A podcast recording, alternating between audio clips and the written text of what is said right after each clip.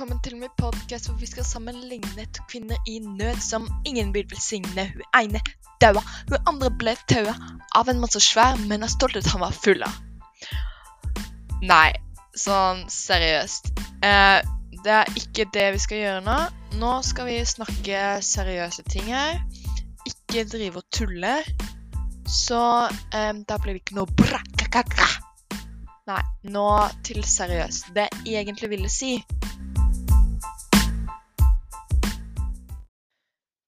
Hjertelig velkommen skal du være til episode to i Norsk podkast. Denne episoden heter 'Snakk om realistisk'. Um, I denne episoden skal vi snakke om Karnsjul og et dukkehjem. Det handler om um, kvinneroller, og så skal vi sammenligne, og så skal vi se hvordan det blir.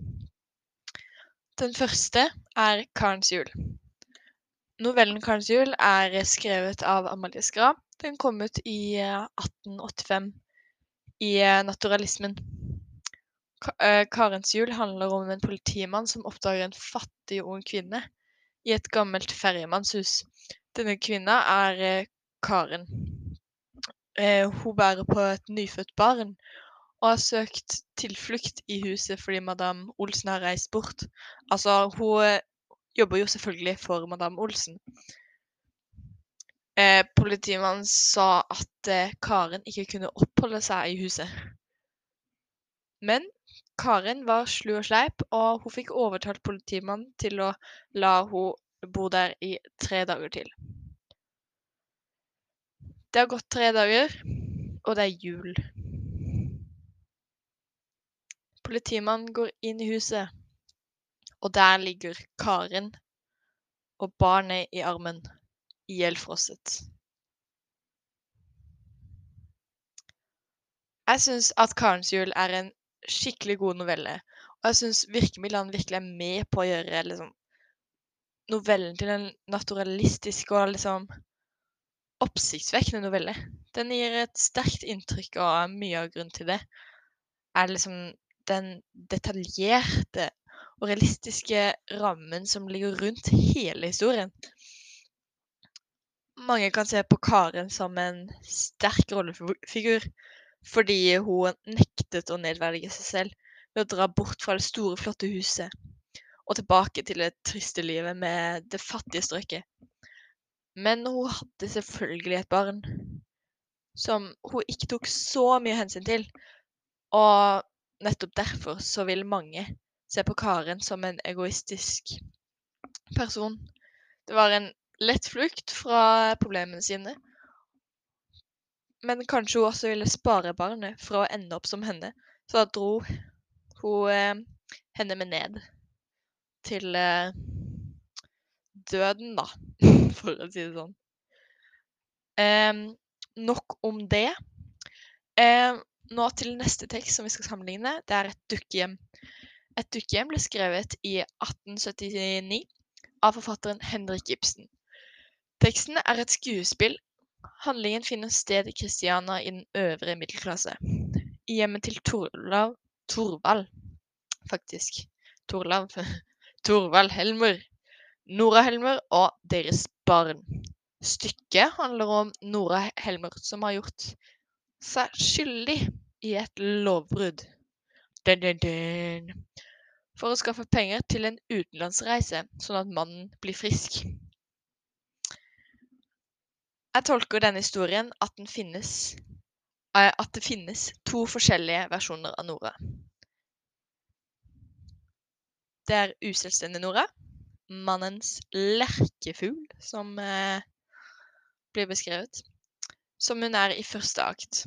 Og så Nora i tredje akt, som er selvstendig og tør å si akkurat det hun mener.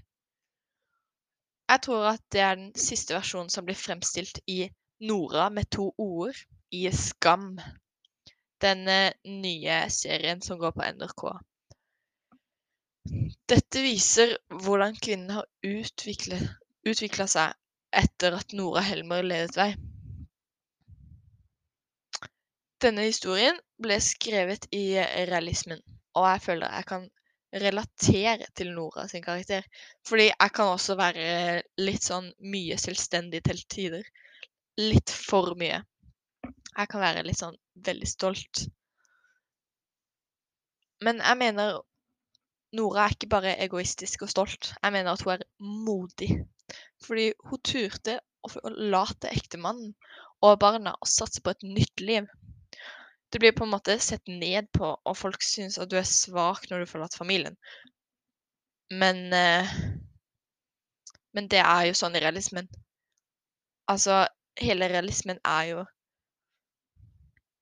Et viktig preg da i realismen er jo skjebnesyn. I forhold til naturalismen så mente realistene at man skulle selv bestemme sin skjebne.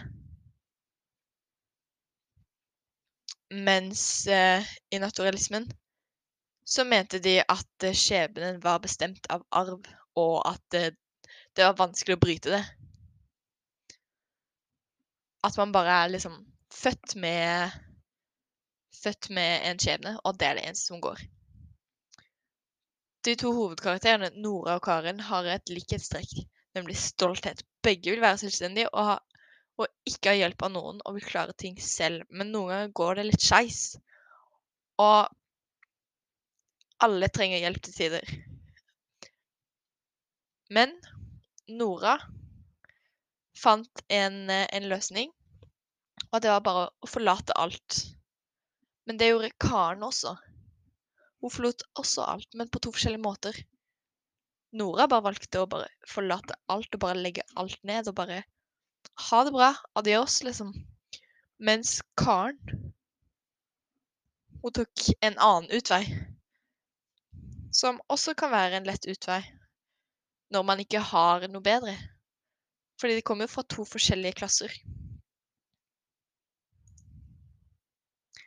Um, og Men man trenger hjelp. Alle trenger hjelp noen ganger. Det man mangler, er bare å innrømme det. Kanskje begge kunne greid seg hvis de bare hadde fortalt til noen hva de sliter med. Så det var eh, alt. Jeg håper at eh, du skjønte hva jeg mener, og jeg har brukt eh, en del kilder. Det er hovedsakelig SNL og Daria og Intertekst 3. Også litt sånn egne tanker og filosofier og litt sånne ting, da. Litt sånn smarte ting.